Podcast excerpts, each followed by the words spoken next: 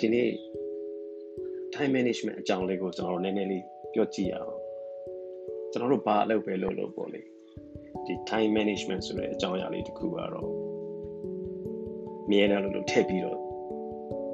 စဉ်းစားရမယ့်အရာတစ်ခုလို့ကျွန်တော်တို့နားလည်မိတယ်ပေါ့ဗျာအဲကြောင့်ဒီအရာလေးကိုကျွန်တော်တို့နည်းနည်းလေးစဉ်းစားကြည့်ရအောင်ကျွန်တော်တို့အလုပ်လုပ်နေကြတဲ့အခါမှာဒီနေ့ဒီနေ့လှုပ်ရှားတွေ အများကြီးနဲ့ဟိုကလည်းမပီဒီကလည်းမပီနဲ့ဟိုကလည်းပြီးကျင်ဒီကလည်းပြီးကျင်တယ်ဒီနေ့ဒီနေ့အချိန်တွေကုန်ဆုံးနေကြတဲ့လူတွေတော်တော်များမယ်လို့ကျွန်တော်ထင်ပါတယ်ဆိုတော့အဲ့လိုမျိုးအနေအထားမျိုးမှာဒီနေ့ဒီနေ့ပေါ့လေ24နာရီအစားနာရီ30လောက်ရကျင်တယ်ကွာဆိုပြီးတော့စဉ်းစားမိတဲ့လူများရှိမလားမသိဘူးဒီနေ့ကို24နာရီမ လောက်တော့ဘူးနည်းနည်းလေးတိုးပေးပါနာရီ30လောက်ရှိရင်ကောင်းမှာပဲလို့စဉ်းစားမိတာပေါ့လေဒါပေမဲ့တကယ်တမ်းပြန်စဉ်းစားကြည့်လို့ရှိရင်24နာရီမကလို့နာရီ30တိုးပေးလို့ရှိရင်ဟောတကယ်အလုပ်တွေကပြီးမှာလားဒီမိကုံလေးရတော့ကျွန်တော်တို့တော်တော်လေးကိုစဉ်းစားလို့တင့်တော်တဲ့မိကုံလေးတကူလို့ကျွန်တော်ထင်ပါတယ် ဆိုတော့ time management လို့ကျွန်တော်တို့ပြောနေတယ် time အချိန်ဆိုတဲ့အရာ manage နော်စီမံခန့်ခွဲတယ်ဆိုတော့အချိန်ဆိုတဲ့အရာတခုကိုကျွန်တော်တို့တကယ်စီမံခန့်ခွဲလို့ရသလားဒီမိကုန်းလေးကိုကျွန်တော်တို့စဉ်းစားကြည့်ဖို့လိုပါတယ်စီမံခန့်ခွဲတယ်ဆိုတဲ့သဘောတရားကိုကျွန်တော်တို့ပြန်ကြည့်မယ်ဆိုရင်စီမံခန့်ခွဲတယ်ဆိုတာကကျွန်တော်တို့ PLOC ဆိုပြီးတော့အစောင်းဒီထဲမှာရေးထားရေးထားတယ်ပေါ့နော် planning ကြိုတင်ပြီးတော့စီမံနေ organize လုပ်တယ် control လုပ်တယ်ဆိုတော့အချိန်နဲ့ပတ်သက်လာလို့ရှိရင်ကျွန်တော်တို့ဒီလိုမျိုးကိုဖြစ်ချင်တဲ့အရာကိုလုပ်ချင်တဲ့အရာတွေကို planning လုပ်မယ် organize လုပ်မယ် control လုပ်မယ်တကယ်ကိုလုပ်လို့ရသလားဒါလေးကစဉ်းစားဖို့ကောင်းတဲ့မိကုန်းတစ်ခုပေါ့နော်ဆိုတော့ကျွန်တော်တို့အချိန်နဲ့ပတ်သက်ပြီးကျွန်တော်ဘာတွေသိထားတယ်လဲသိထားတဲ့ အရာလေးကိုကျွန်တော်တို့စဉ်းစားကြည့်ရအောင်အချိန်ဆိုတာနဲ့ပတ်သက်ပြီးတော့ပေါ့လေအချိန်ဆိုတဲ့အရာတစ်ခုကကိုယ်မှာရှိတဲ့အခြားသော resources နော်အရင်းအမြစ်တွေနဲ့နှိုင်းယှဉ်ကြည့်လို့ရှိရင်တော်တော်လေးကိုထူးခြားတဲ့သဘောမှာရှိတယ်ကျွန်တော်တို့မှာကိုလိုချင်တဲ့အရာတစ်ခုရဖို့အတွက်ဒါမှမဟုတ်လို့ရှိရင်လည်းကိုယ့်ရဲ့လုပ်ငန်းတစ်ခုကိုဥဆောင်လုပ်ကင်နေတဲ့အရာအရာတွေမှာအာ ကိုအသုံးချရတဲ့ resources အများကြီးရှိတယ်။ဝေကြီးလူအင်အားစသဖြင့်ပေါ့လေ resources အများကြီးရှိတယ်။ဒါပေမဲ့အဲ့ဒီ resources တွေထဲမှာဒီ time ဆိုတဲ့ resource ကသူကအရန်ကိုအခြားသော resources နဲ့မတူဘဲနဲ့တမှုထူကြတယ်။ဘာလို့လဲအချိန်ဆိုတဲ့အရာတခုကိုကျွန်တော်တို့ဝယ်လို့မရဘူး။ကို့မှာပတ်စံရှိနေပြီမဲ့လေအချိန်ရောင်းတဲ့နေရာမရှိဘူး။အာမနေ့ကကြာရင်တော့ငါ လုပ်ရမယ့်အရာတွေအများကြီးရှိတယ်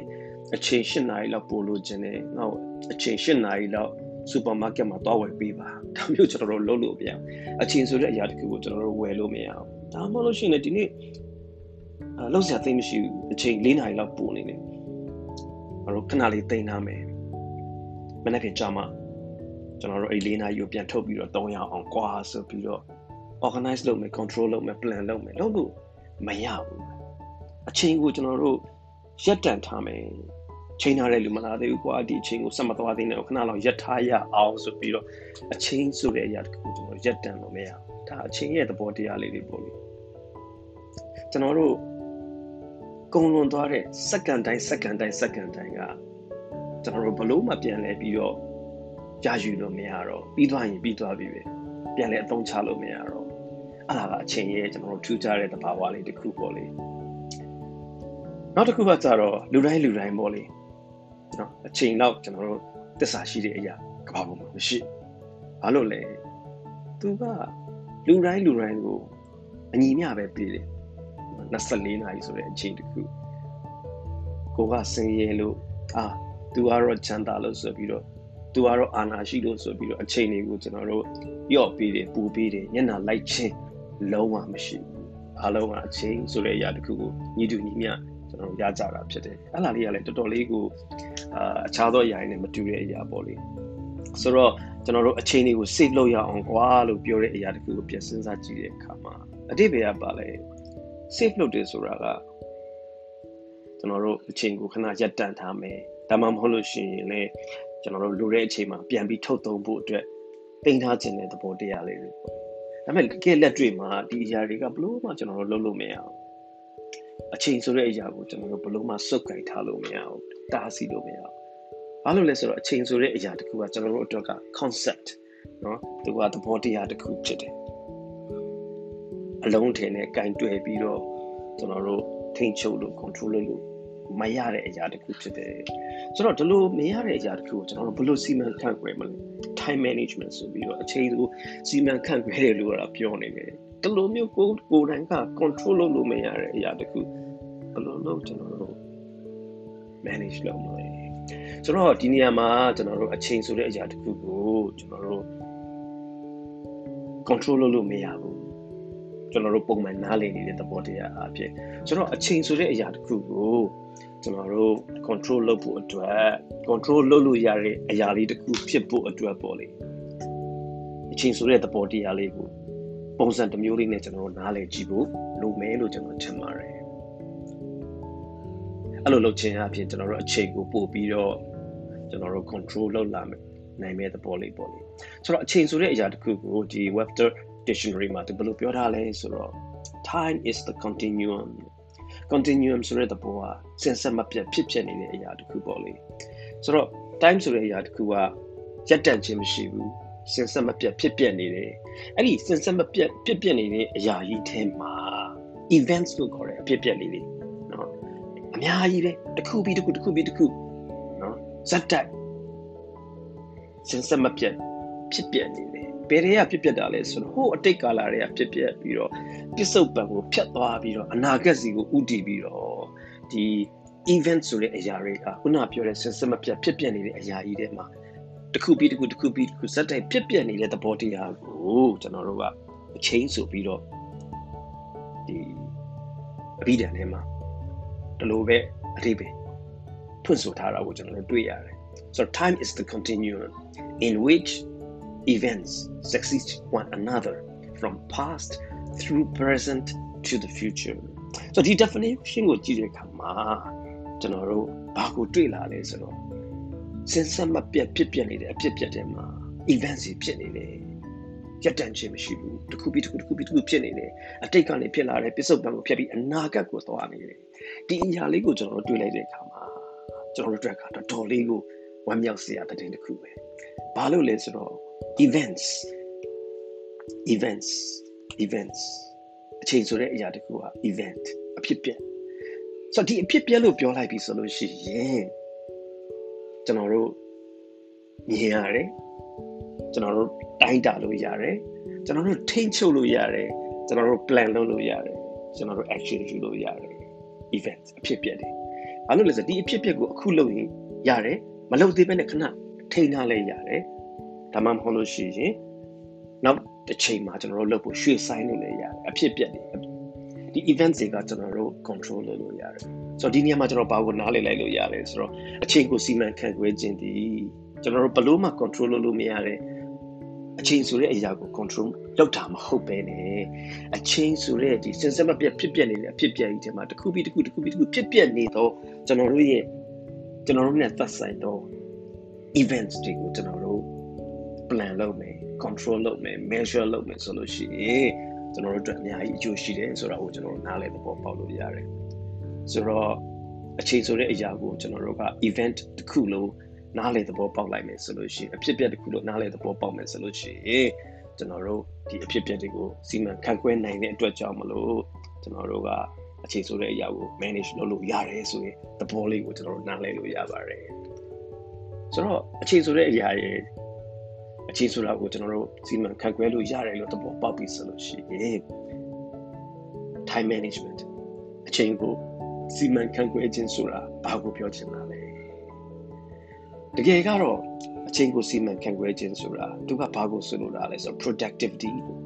เนาะတကယ် productivity ဆိုတဲ့အရာကိုပြောချင်တာပဲဖြစ်တယ်ဆိုလိုတာကကျွန်တော်တို့အချိန်တစ်ခုကို ပူရဖို့ဆိုတာထက်ကုံလွန်သွားတဲ့အချိန်တိုင်းအချိန်တိုင်းမှာဘလောက်ထိအကျိုးရှိရှိကျွန်တော်တို့အသုံးချနိုင်တယ်လဲဆိုတာကိုကျွန်တော်တို့ကအဓိကပြောဆိုချင်တာဖြစ်တယ် ဆို productivity ဆိုအလားကိုပြောတာကျွန်တော်တို့ဒီနေ့၈နာရီကုန်သွားတယ်ဒီ၈နာရီမှာကိုယ့်အတွက်ဘလောက်အကျိုးရှိခဲ့တယ်လဲအချိန်လေးသာကုန်သွားတယ်ကိုယ့်အတွက်အကျိုးမရှိဘူးဆိုလို့ရှိရင်အလကားပဲဆိုတော့ကျွန်တော်တို့ကအချိန်ကိုစီမံခန့်ခွဲရဆိုတော့ကုန်လွန်သွားတဲ့အချိန်ဒီမှာကိုယ့်အတွက်အကျိုးရှိဖို့အတွက်ဘယ်လိုစီမံခန့်ခွဲမလဲဒါကိုကျွန်တော်ပြောချင်တာဖြစ်တယ်ဆိုတော့ကိုယ့်ရဲ့အချိန်တွေကိုကိုယ်မှာရှိနေတဲ့အချိန်တွေကိုနော်အဲ့ဒီအချိန်တွေမှာဖြစ်ပျက်နေသောအဖြစ်ပျက်တွေကိုကိုဘယ်လိုမျိုး အာလောက်ကင်ဆောင်ရွက်မလဲအဲ့ဒါလေးအတွက်ကိုအနေနဲ့တင့်တော်သောဆုံးဖြတ်ချက်တွေချခြင်းကိုကျွန်တော်တို့ကဒီ time management ဆိုတဲ့ခေါင်းစဉ်အောက်ကနေပြီးတော့ကျွန်တော်တို့ပြောလို့ရပါတယ်ဆိုတော့ကိုယ့်ရဲ့တနေ့တာအခြေအနေကိုကျွန်တော်တို့ဘယ်လိုမျိုးအကျိုးရှိရှိအသုံးချကြသလဲဒီမိကုန်းလေးကကျွန်တော်မေးဖို့ကောင်းပါတယ်နေ့တစ်နေ့မှာဆိုလို့ရှိရင်ဘယ်အခြေအနေမှာကျွန်တော်တို့ပို့ပြီးတော့အာယုံ စိုက်နိုင်တယ်လဲဆိုတော့အဲ့ဒီအခြေအနေလေးကိုကျွန်တော်သိလို့ရှိရင်ကိုယ့်အတွက်ကအဲ့ဒီအခြေအနေလေးကိုအာယုံစိုက်နိုင်တဲ့အခြေအနေလေးမှာကိုယ့်အတွက်အရေးကြီးတာလေးတွေကိုလုပ်မယ်ဆိုရင်အများကြီးကြိုးရှိတယ်ဘလို့တနေ့တာရဲ့ဘလို့အခြေမှာပေါ့လေကို့အနေနဲ့ပြုံးတော့မပြုံးနိုင်တော့ဘူးဆိုတဲ့အနေအထားမျိုးလေးတွေသတိထားမိလားမသိဘူးဆိုတော့ကို့အနေနဲ့ဒီနေ့မှာ24နာရီရှိတယ်ဘယ်အချိန်လေးမှာတော့ကိုလုံးဝ လူတွေနဲ့တော့စကားမပြောချင်တော့ပြုံးကျင်စိတ်တောင်မရှိဘူးဆိုတဲ့အနေအထားလေးတွေဘယ်အချိန်မှာရှိတယ်လဲအဲ့ဒီအချိန်လေးတွေဆိုလို့ရှိရင်ကျွန်တော်တို့အရေးကြီးတဲ့ဧည့်သည်တွေတွေ့ရမှာစီဝေးကိစ္စမျိုးလေးလုပ်ရမှာဆိုတော့ရှောင်းတဲ့နေပေါ့လေနေ့တနေ့ရဲ့ဘယ်အချိန်မှာတော့ coffee လေးတစ်ခွက်စိတ်လေးလေးတစ်ဖွာလောက်ကိုယ်အနေနဲ့လိုချင်တယ်လေဒါလည်းသိသိဖို့ကောင်းတဲ့အချိန်လေးပဲဖြစ်ပါတယ်ကျွန်တော်တို့နေ့တနေ့ရဲ့ဘယ်အချိန်မှာ ဘလို့မှအကောင်းထဲမှာစဉ်းစားလို့မရတော့ blank ဖြစ်သွားတဲ့အနေအထားလေးတွေပေါ့လေဒါကိုလည်းကျွန်တော်သိဖို့လိုပါတယ်နောက်တစ်ခုကိုကအလုပ်လုပ်တဲ့အခါမှာနေ့တနေ့မှာမနက်ပိုင်းကိုသဘောကျတဲ့လူလားညနေပိုင်းကိုသဘောကျတဲ့လူလားဆိုတော့တချို့ဆိုရှိတယ်မနက်ဆိုစောကြီးထားပြီးတက်ကြွညနေလောက်ကျလို့ရှိရင်သူတို့ရဲ့ energy ကကျတချို့ကကျတော့လို့ပေါ့မနက်ကျလို့ရှိရင်တော်တော်နဲ့ engine ကမနိုးနိုင်ဘူးညနေလောက်ကျလို့ရှိရင်သူတို့ကအရန်ကို တက်ကြွသွားတဲ့သဘောလေးတွေရှိတယ်ဆိုတော့ကိုကဘယ်လိုလူမျိုးလဲဒါလည်းကျွန်တော်တို့သိဖို့လိုတယ်ဆိုလိုတာကကိုကမနက်ပိုင်းမှာ energy စီများနေသလားညနေပိုင်းမှာ energy တွေများနေသလားဒီဟာလေးကလည်းကိုယ့်ရဲ့အနေထားလေးကိုကိုယ်တည်းနဲ့သိဖို့ကောင်းပါတယ်ဆိုတော့အချိန်ဆိုတာကကျွန်တော်ပြောခဲ့တဲ့ event တစ်ခုလိုဖြစ်တယ်ဆိုဒီဟာနဲ့ပတ်သက်ပြီးတော့ကျွန်တော်ဘာကိုပြောပြချင်လဲဆိုတော့ဒီ Wilfredo Pareto ရဲ့ နော်ပြောစကားလေးပေါ့လေသူက Italian စီးပွားရေးပညာရှင် Italian လူမျိုးစီးပွားရေးပညာရှင်နော်1848ကနေပြီးတော့1923မှာအသက်ရှင်နေထိုင်ခဲ့တဲ့စီးပွားရေးပညာရှင် Italian လူမျိုးသူကဘာပြောလဲဆိုတော့အီတလီနိုင်ငံရဲ့ကျွယ်ဝချမ်းသာမှု80ရာခိုင်နှုန်းကအီတလီလူမျိုးအယောက်20ရဲ့အာရာခိုင်နှုန်း20ရဲ့လက်ထဲမှာပဲရှိတယ်ဆိုတော့ဒါက အီတလီနိုင်ငံရဲ့ကျွယ်ဝချမ်းသာမှုအများစုကိုအီတလီလူမျိုးလူနည်းစုကနေပြီးတော့ထိချုပ်ထားတယ်အဲ့ဒီသဘောတရားလေးကိုစီးပွားရေးပညာရှုထောင့်ကနေပြီးတော့သူ့အနေနဲ့ရှာဖွေတွေ့ရှိထားတယ်ဆိုတော့သူ့ရဲ့ရှာဖွေတွေ့ရှိခြင်းကိုနောက်ပိုင်းမှာဒီအာစီမံခန့်ခွဲမှုဆိုင်ရာဒီကျွမ်းကျင်တဲ့ပညာရှင်တွေကလည်းဒီဒီအာစီမံခန့်ခွဲမှုပညာဘက်မှာ ထည့်သွင်းပြီးတော့သူတို့အသုံးချလာတယ်အဲ့ဒါကိုကျွန်တော်တို့ဘာလို့ခေါ်လဲဆိုတော့ Pareto law ဆိုပြီးကျွန်တော်တို့ခေါ်တယ်တချို့ကလည်း 80-20 rules လို့ခေါ်တယ်ပေါ့လေဆိုလိုတာကကျွန်တော်တို့တွေဒီနေ့ဒီနေ့အားစိုက်ပြီးအလုပ်လုပ်ကြတယ်လုပ်ရမယ့်အရာတွေအများကြီးရှိတယ်အဲ့ဒီကိုလုပ်ရမယ့်အလုပ်အများကြီးတည်းကနေပြီးတော့အချို့သောအလုပ်တွေကနည်းနည်းလုပ်ပြီးတော့အများကြီးအကျိုးရှိတဲ့အရာမျိုးတွေရှိတယ်တချို့တွေကြတော့အများကြီးလုပ်ရပေမဲ့နည်းနည်းလေးပဲအကျိုးရှိတဲ့အရာတွေရှိတယ် ဆိုတော့ကျွန်တော်တို့အလုပ်လုပ်တဲ့အခါမှာနည်းနည်းလုပ်ပြီးတော့များများအကျိုးရှိမဲ့အရာပေါ်မှာအချိန်ပေးပြီးဦးစားပေးပြီးလုပ်တတ်ဖို့အရေးကြီးတယ်ဒါကကျွန်တော် time management ရဲ့အဓိကကြဆုံးအနှစ်သာရတစ်ခုဖြစ်တယ်ဥပမာဆိုလို့ရှိရင်ဒီဝေးလေးထွက်ပြီးတော့ဈေးရောင်းမဲ့အယောင်းဝန်ထမ်းတွေကိုအုပ်ချုပ်တာတဲ့ supervisor တယောက် sales supervisor တယောက်အနေနဲ့ပြန်စဉ်းစားကြည့်မယ်ဆိုလို့ရှိရင်သူဝေးတယ်မထွက်ခင်သူ့လူတွေကိုစုပြီးတော့နာယူဝက် 45မိနစ်လောက်ခေါ်စကားပြောပြီး briefing လုပ်လိုက်တယ် team briefing လုပ်လိုက်တဲ့အရာလေးကတနေ့တာလုံးအတွက်အကျိုးအများကြီးရှိနိုင်တယ်နော်ဘယ်ဘယ်လိုမျိုးဝေးတဲ့ကိုသွားမယ်ဘယ်ဆိုင်တွေကိုတော့သွားမယ်ဘယ်ဆိုင်တွေကိုတော့မသွားဘူးဈေးဘယ်လောက်နဲ့ဖွင့်မယ်အာဘယ်လိုပြဿနာရှိရင်ဘယ်လိုလုပ်ရမလဲဘယ်သူကတော့ဘယ်ကိုသွားမယ်ဘယ်သူကတော့ဘယ်ကိုသွားမယ်စသဖြင့်အဲ့ဒီ supervisor ကနေပြီးသူ့ရဲ့သူ့ရဲ့ team members တွေကိုအဲ့ဒီ15မိနစ်မိနစ်20နာရီခွဲလောက်အချိန်ယူပြီးတော့ဒီ team briefing လေးလုပ်လိုက်တဲ့အခါ ဒီဝေးတဲ့ကိုတကယ်ထွက်တဲ့အခါမှာဒီအယောင်းဝန်ထမ်းတွေက supervisor နဲ့အတူမရှိတော့ဘူးသူ့လမ်းကြောင်းနဲ့သူသွားနေတယ်ဒါပေမဲ့လည်းသူတို့တွေအားလုံးကဘာလုပ်ရမလဲဆိုတော့တိတိကျကျသိနေပြီဘာတွေလုပ်လို့ရတယ်ဘာတွေလုပ်လို့မရအောင်ဈေးကိုဘယ်လောက်နဲ့ဖွင့်ရမလဲဒါတွေအကုန်သိသွားတဲ့အခါမှာအလုပ်လုပ်တဲ့အခါမှာအများကြီးထိရောက်မှုရှိတယ်ဒါကြောင့်မလို့ supervisor တယောက်အနေနဲ့သူလုပ်တဲ့အရာအများကြီးတဲ့ကဒီ team briefing လေးလုပ်လိုက်တဲ့အရာတခုကသူ့အတွက်အများကြီးရှိတယ်အကျိုးရှိသွားတယ်ဒါကြောင့်မလို့ အခုကျွန်တော်ပြောပြချင်တဲ့80-20 rules နော်သူ့အနေနဲ့နိုင်ဘက်လောက်အခြေပေးလိုက်တဲ့အရာတစ်ခုကသူ့အတွက်အများကြီးအကျိုးရှိပါတယ်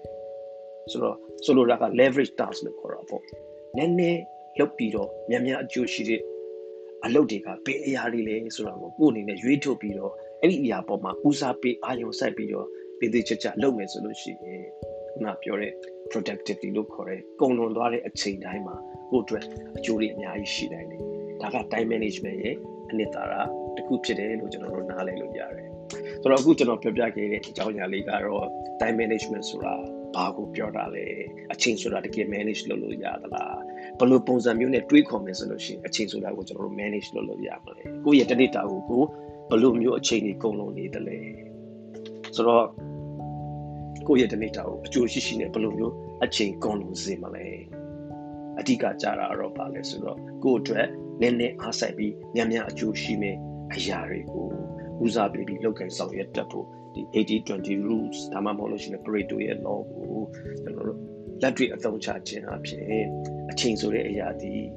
ဘလောက်ပဲအချိန်ကြီးကုန်သွားတယ်ဆိုတာပုံမှာအာယုံစိုက်ဖို့မဟုတ်ပဲねကုန်လွန်သွားတဲ့အချိန်ကိုယ့်အတွက်ဘလောက်အကျိုးရှိတယ်လဲဒါကိုကျွန်တော်တို့စဉ်းစားဖို့ဖြစ်တယ် အချိန်ဆိုတဲ့အရာတခုကိုကျွန်တော်တို့ကအာ event အဖြစ်အပျက်တွေလို့နားလည်ပေါ်ပေါက်ပြီးတော့ကျွန်တော်တို့ထိန်းချုပ်ဖို့ဖြစ်တယ်ဆိုတော့အချိန်ဆိုတဲ့အရာတခုကပြန်စဉ်းစားကြည့်မယ်ဆိုလို့ရှိရင်စဉ်ဆက်မပြတ်ဖြစ်ဖြစ်နေတဲ့အဖြစ်အပျက်တွေဖြစ်တယ်အဲ့ဒီဖြစ်ပျက်တွေတခုပြီးတခုတခုပြီးတခုစင်ကဲစင်ကဲဖြစ်နေတယ်ဟိုအတိတ်ကလေးပြက်လာပြီးတော့ပြစ္ဆုတ်ပံကိုဖြတ်သွားပြီးအနာဂတ်ကိုလည်းအဲ့ဒီဖြစ်ပျက်တွေကဖြစ်နေအောင်မှာဖြစ်တယ်ဆိုတော့ဒီအဖြစ်ပျက်တွေထဲမှာဘယ်အဖြစ်ပျက်ကတော့ကိုယ့်အတွက်အကျိုးရှိမလဲဘယ်အဖြစ်ပျက်ကိုအချိန်ပေးခြင်းအဖြစ်ကိုယ့်အတွက်အကျိုးများများရှိမှာလဲ ဒါလေးတွေကိုရွေးထုတ်ပြီးတော့ဦးစားပေးလောက်ကင်ဆောင်ရွက်တတ်ခြင်းစီမံခြင်း organize လုပ်ခြင်း control လုပ်ခြင်းဒါလေးတွေလုပ်ခြင်းအပြင်ကိုယ့်ရဲ့ကုန်လုံးသွားမဲ့အချိန်တွေအတွက်အကျိုးရှိစွာစီမံခန့်ခွဲလုပ်နိုင်ပါလိမ့်မယ်လို့ကျွန်တော်အနေနဲ့ဒါမျှဝေခြင်းဖြစ်ပါတယ်เนาะကျေးဇူးအများကြီးတင်ပါတယ်ဆိုတော့ကျွန်တော်ပြောတဲ့အရာလေးတွေကိုနားထောင်ပြီးတော့ပြန်လည်စဉ်းစားပြီးတော့ကိုယ့်ရဲ့အသက်တာမှာကုန်လွန်သွားတဲ့အချိန်တွေကိုဘယ်လိုမျိုးအကျိုးရှိစွာ